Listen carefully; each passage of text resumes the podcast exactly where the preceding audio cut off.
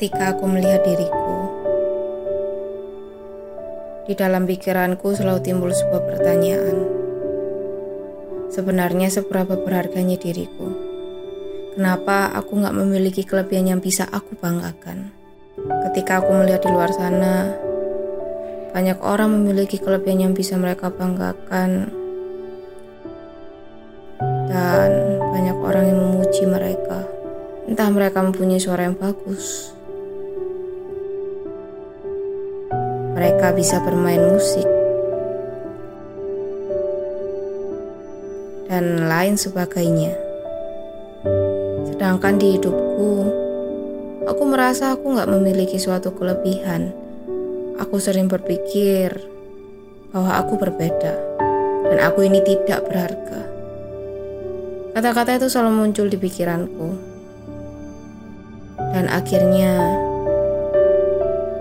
membuatku selalu merasa rendah diri. Mungkin orang-orang di sekitarku nggak mengerti apa yang sebenarnya sedang terjadi dalam hidupku. Karena aku selalu berusaha untuk terlihat baik-baik saja. Aku selalu mencari sebuah jawaban atas apa yang sebenarnya terjadi di hidupku. Namun, semakin aku mencari, semakin membuatku ingin menyerah. Sampai suatu hari, aku mendapatkan pesan, pesan kabar baik melalui sebuah video, dan aku merasa bahwa aku mulai menemukan sebuah jawaban yang selama ini aku cari.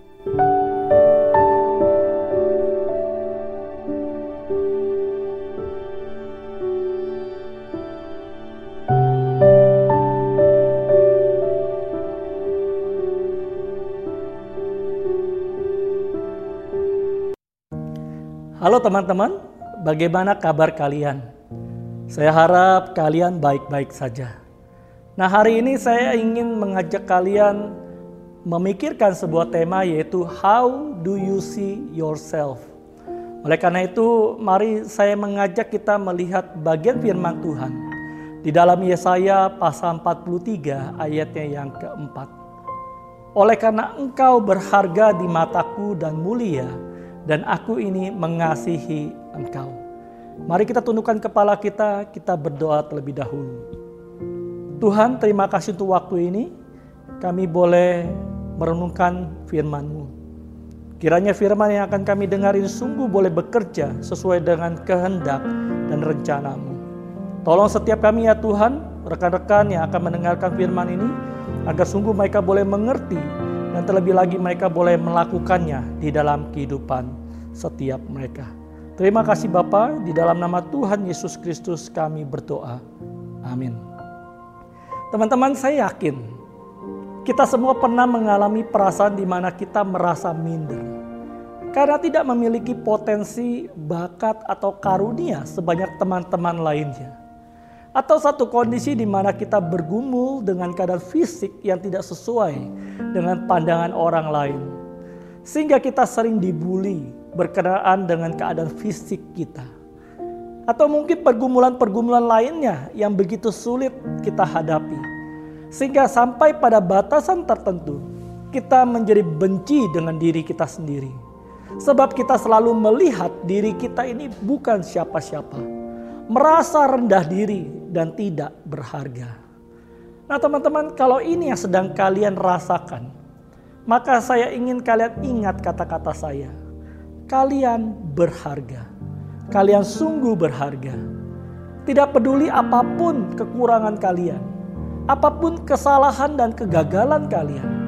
Orang-orang di sekeliling kalian mungkin menolak kalian, atau bahkan kalian putus asa terhadap diri kalian sendiri. Kalian tetap berharga. Pernyataan ini mungkin terasa klise ketika di saat yang sama kalian sesungguhnya sedang bergumul dengan kondisi-kondisi seperti itu. Tetapi teman-teman, satu hal perlu kalian ketahui. Kalian berharga bukan karena saya yang mengatakannya. Tetapi firman Tuhan sendiri yang mengatakannya. Apa buktinya? Di dalam Yesaya pasal 43 ayat 1 sampai 2 misalnya. Di sana jelas sekali menunjukkan kepada kita bukti pertama bahwa kita berharga karena Tuhan yang telah menciptakan dan membentuk kita. Nah, teman-teman, kata mencipta atau membentuk ini muncul di dalam kisah penciptaan. Kita bisa lihat di dalam Kejadian 1 ayat yang 1. Kemudian juga ayat yang ke-21, ayat 27 dan seterusnya. Ketika Allah menciptakan bumi dan segala isinya sampai pada hari kelima, Alkitab mencatat metode penciptaannya yaitu dengan berfirman. Kecuali ketika dia menciptakan manusia di hari ke-6. Nah metode penciptaannya itu berbeda. Kejadian 1 ayat 26 menuliskan begini. Berfirmanlah Allah, baiklah kita menjadikan manusia menurut gambar dan rupa kita. Artinya apa teman-teman? Artinya kita manusia diciptakan Allah itu berbeda dengan ciptaan lainnya. Kita diciptakan dengan sangat baik di dalam gambar dan rupa Allah. Nah bukan hanya menciptakan, tetapi dia juga membentuk kita dan memberikan kita nafas kehidupan. Kenyataan bahwa Tuhan menciptakan dan membentuk kita, sesungguhnya itu sudah lebih dari cukup untuk menjadi alasan dan bukti betapa besar kasih Allah atas diri kita. Dan ini seharusnya membuat kita sadar betapa berharganya kita di mata Tuhan.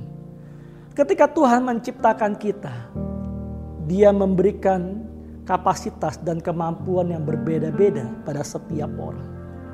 Nah, apabila kita dapat mengenali kapasitas dan batas kemampuan kita, maka kita dapat melakukan berbagai macam hal dengan baik dan menemukan kepuasan di dalamnya. Tanpa harus membanding-bandingkan diri kita dengan orang lain. Kemudian yang kedua teman-teman, firman Tuhan di dalam Yesaya pasal 43 ayat 3 sampai 7 jelas mengatakan kepada kita bahwa kita berharga karena Tuhan yang telah menebus dan menjadikan kita miliknya.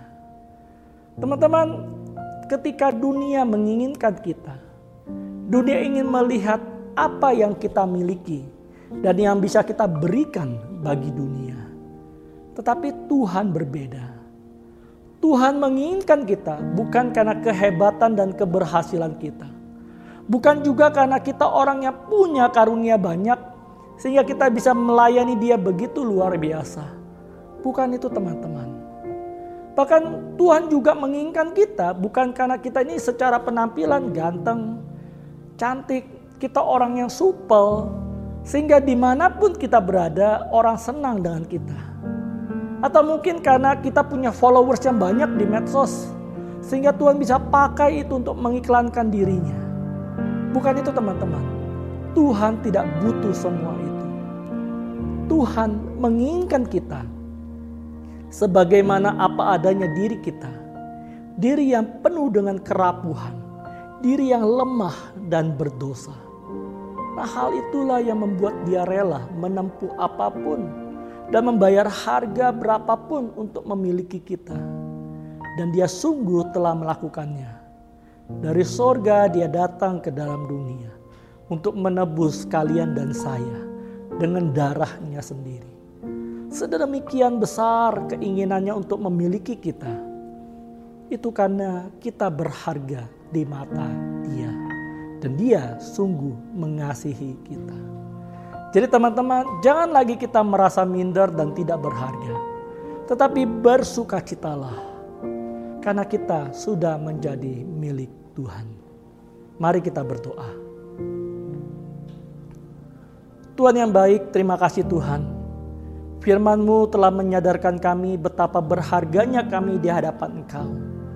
Betapa kami manusia yang berdosa, manusia yang rapuh dan penuh dengan segala keterbatasan yang sesungguhnya sudah ditolak oleh dunia tetapi engkau mau menebus setiap kami. Engkau menginginkan setiap kami. Karena itu engkau rela datang ke dalam dunia ini melakukan berbagai macam cara untuk menebus setiap kami menebus kami terima kasih Tuhan Yesus terima kasih untuk kebaikanmu Terima kasih untuk keberhargaan yang kau berikan di dalam diri kami. Sehingga kami dapat melihat diri kami dengan lebih baik. Di dalam nama Tuhan Yesus kami berdoa. Amin.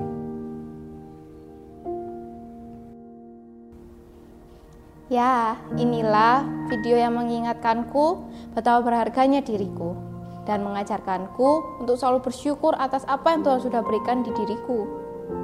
Jika sekarang teman-teman sedang menghadapi pergumulan yang sama denganku, yuk kita mulai dengan mensyukuri apa yang ada dalam hidup kita. Dan cobalah melakukan berbagai kegiatan. Siapa tahu dari situ kita bisa nih menemukan apa yang menjadi kelebihan kita. Dan dalam melakukan semua itu, kita harus tetap semangat, gigih, dan jangan takut untuk mencoba. Dan yang paling penting, andalkan Tuhan dalam hidup kalian. Oh ya teman-teman, aku ingin mengajak kalian semua untuk mengikuti persekutuan doa yang diadakan setiap hari Jumat, minggu pertama dan minggu ketiga, pukul setengah delapan malam. Di situ kita bisa saling sharing dan saling mendoakan apa yang menjadi pergumulan kita. Yuk join ya! Jangan lupa, jika kalian ada kritik dan saran, kalian bisa langsung klik link form evaluasi yang ada di description box. Oke teman-teman, see you in the next video. Bye. Rest for restless.